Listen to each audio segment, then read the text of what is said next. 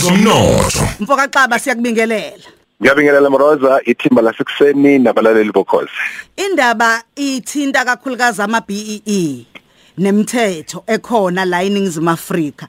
Eh sengasithi khona eh angazi noma ngizothi unswinyo oluthile noma eh, akufanele ngibize ngonswinyo olu- eh, noma kodwa khona into eyenzakalayo mayelana nemithetho elawula ama BEE mhlawumbe ungakuthi ukusichazela Siyabonga kakhulu Shenge. Mhlamba ke ngiqale nje ngishaya kancane eceleni ngisho ukuthi kune ku- njalo ngonyaka kuyephuma ukuthi bangaka abantu abacebe kakhulu eh eningizimu Afrika nasemhlabeni wonke jikelele. Sibonile ukuthi umfoka Rupert eh usanqenqeza phambili la eningizimu Afrika eh cishe eh, u u- number 3 and 48 kubantu aba rich la eh, eh, emhlabeni jikelele. Ngemali ecishe 140 billion. Inyuke kakhulu imali yakhe kodwa ke usahamba phambili umfoka Aliko umfoka Dangote Aliko ubaba lwase Nigeria. Osahamba yena ngo 270 billion eh rands. Eh u- ukucabanga nje Mroza ukuthi uma sikhuluma ngomnotho eh ku- uma kungathi umroza uno 20 billion umehluko awenza egingindlovu endaweni zasemakhaya. Ayikuthi laba rich abawenza umahluko kodwa eh ungaba mkhulu kakhulu mhlambe ke sikukhuthaze lokho ukuthi nathi asifuni ukuba mhlambe oso igidi. Ngenhloso eyodwa enhle ufuna ukuthi sikwazi ukukhiqiza eh umnotho bese sifuthi sisize eindaweni lapho esisuka khona ngoba ilapho usizo lidingakala kakhulu khona.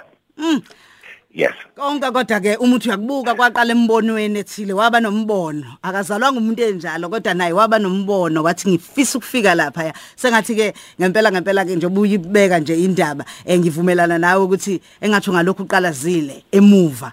Ukuthi nasemazingeni aphansi ukuthi abaphansi nabo bagcine bephezulu. Ingakho nje siba nalo nohlelo lodado ngoba siyakholelwa ukuthi bayoba o Aliko Dangote bakusasa. Uyayibona into enjalo? Kunjalo shenge kakhulu. Ya kulolu daba ke ukhuluma ngalo eh um- umnumzane eh, ubaba lo uminister eh ophethe neindaba zomsebenzi eningizimu Afrika. Eh uye wakhipha eh ilokhuzana uhlelo la olusho okuhambisana nokuthi imithetho le kuthiwa ama- ye BE izo izophinda ithuchitshiyelwa kakhulukazi umthetho lo bezwa kuthiwa Employment Equity Act. Eh ngithe namhlanje ke sibuke eh kulengosi yamandla omnotho lengxenye ye ye ye liver ebalekile esiza ukuthi kube khona uguquko eningizimu Afrika uma kuziwa esigabeni sethu thina njengabantu eh abansundu. Ekuthenini eh kulesi sigaba akhulume ngaso eh ungqongqoshe sokuthi kuzoba khona ushintsho. Eh asi asiqonde lokho mrozi ukuthi iningizimu Afrika isadinga ushintsho oluningi nolukhulu njengoba kade silokhu sikhuluma amavikini amadlule ngezindaba ezihambisana nokuthi eh unemployment ingakanani eh ububha bungakanani zonke lezi zinto. Eh kunemithetho kahulumeni ake sisondele emroza. Namhlanje umlayezo lapho Mm. ukuthi ake siyisondelele lemithetho kahulumeni eningizimu Afrika ngoba lapha eningizimu Afrika eh sibaningi ngokwenombolo njengabantu abamnyama.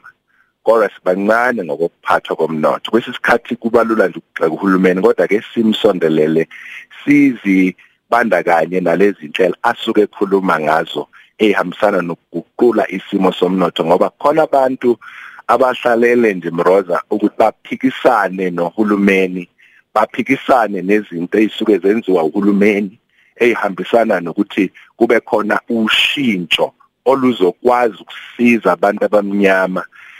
Kwenzeka ngaphakathi enkampanini kube khona izithangami ezithile zakhiwayo ukuze zi- zinga zi- ziphikisane nokuletha ushintsho oludingakalayo. Uma ungabuka eh sike sakuthatha kuthinda lokho ngicabanga ukuthi ngonyaka odlule noma ngaloya nyaka uma ungabuka izwe lase America ukuthi aba ba- abantu abawumtsinsi wakhona okungama Red Indians Mm. abaliphethe izwe ba 1.6% ubuka abantu base Australia kuthiwa ama aborigines abaliphethe izwe. Bese ubuka abantu base New Zealand ama Maoris abaliphethe izwe. Nathi vele lapha sizohamba sihambe uma singaqikekele ukuthi sibambisane nezigaba zemthetho ezishaya uhulumeni.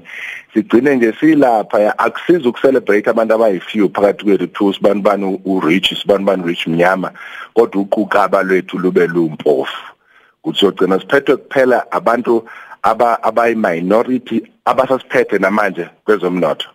Amashayina belungu namandiya ababantu baseningizimu Afrika futhi nabo sibabandlululi. Kodwa iqiniso lokuthi kwenziwa yini thina sibe sibaningi kodwa silokhu sihlala sizicela nkobe. Sile kude nomnotho. So kunohlelo ke kufanele esolifaka la ku website ukuze sikwazi ukuphawula eh kumandla omnotho. Abalaleli sibakhuthaza ukuthi asiphawule singathengi iphephandaba sifunde nje kuphela ekuqaleni kwalo ngasekugcineni asifunde lezi zinto eziyichibiyelo ihambisana nokushintsha kakhulu umnotho nendlela yokuphathwa komnotho eningizimu Afrika. Siyobe senza umehluko omkhulu kabi emrozo umlayezo wethu namhlanje kumandla omnotho uhambisana nalokho Mm, ngiyabuka nje eh sibheke naso khethweni eh, ngicabanga ukuthi ezinye izinto mhlawumbe ekufanele mhlawumbe zithi ukuqalazwa lezo. Kufanele siqalaze emroza eh kufanele sazi njengoba sihlale sisho ukuthi osopolitiki abafowethu nodadewethu esuke sibakhethela ukuthi bakwazi ukusisiza benze umehluko eindaweni esihlala kuzo nasempilweni zethu. Inselelo ke emnandi ke efanele ukuthi wonke umuntu othi uphakamisa isandla eh asimane nje sibeke nje ukuthi njengamanje akho umuntu osephethizwe ngamasibomu sithi bonke abantu abaphambi izandla abafuna ukuphathizwe ekebeye lapha kade ngisendaweni nje yasevuma eshowe phansi lapha yana emajukujukwini. Ingane yo 5 years 6 years bahamba 10 kilometers besikoleni bahamba ngeenyawo nyanya nyanya akho sikole lapha eduze. Kushuthi umuntu osopolitiki othi lapha endaweni yasevuma ngifuna ukushintsha indawo yasevuma ake alethe izethulo phakathi kwethu njengabantu athi sifuna uthini ukuthi athi nakhe ngifuna ukwenza kuumahluko omkhulu mm. eh, endaweni yami. Ngisho ngisho ngisho ukukhuthaza nokuvukuza amandla omnotho ukuze abantu baqashwe ukuze kungenzeki lento yokuthi sikhethe nje abantu bese kusasa eh sebethule nje njengomswele yashesho njengekhansela emveni kokhetho. Akusezokala lutho umehluko abazowenza kakhulukazi kwezomnotho mrozo ngoba ilapha esilele khona thina emuva njengabantu abamnyama. Sibonge kakhulu eh ungasikhumbuza nje iwebsite sivale.